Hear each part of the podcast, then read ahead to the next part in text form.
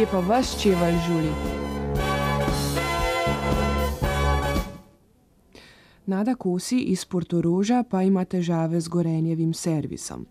Decembra 1995 je namreč opazila, da se v pomivalnem stroju nabira kamen in da se posoda ne sveti.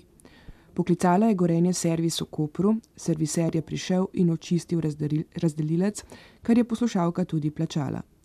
Vendar pa je bilo tudi po popravilu s posodo enako, zato je ponovno poklicala servis.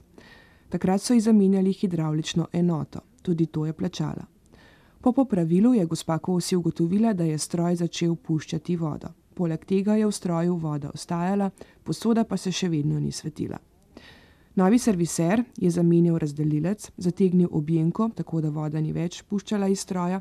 Posoda je bila sicer svetleča, voda pa je v stroju še vedno ostajala.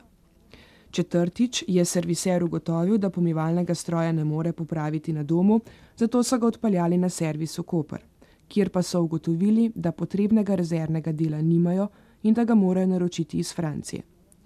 Poslušalki Nadi so predlagali, naj stroj odpelje domov in ga uporablja, saj pere še vedno lahko, ko bodo dobili potreben rezervni del, pa ga bodo zamenjali.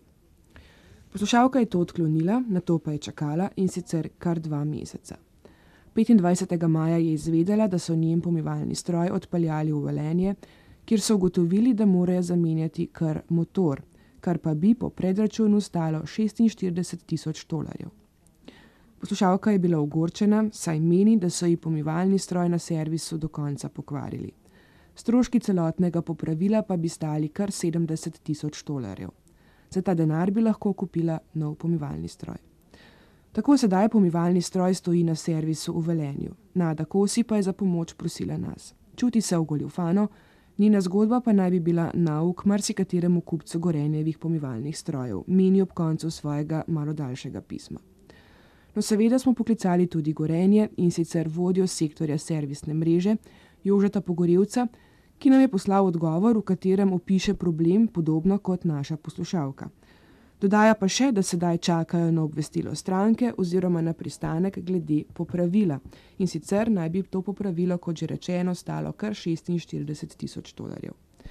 Sicer pa nam je v telefonskem pogovoru včeraj gospod Pogorevc še povedal, da je logično, da se po sedmih letih lahko v pomivalnem stroju marsikaj pokvari.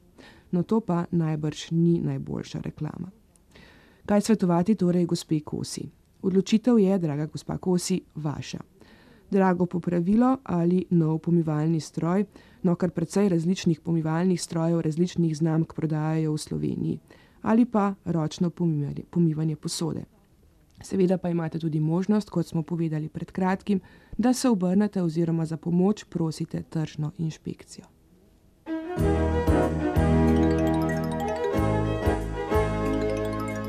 Kje pa vas čevelj žuli?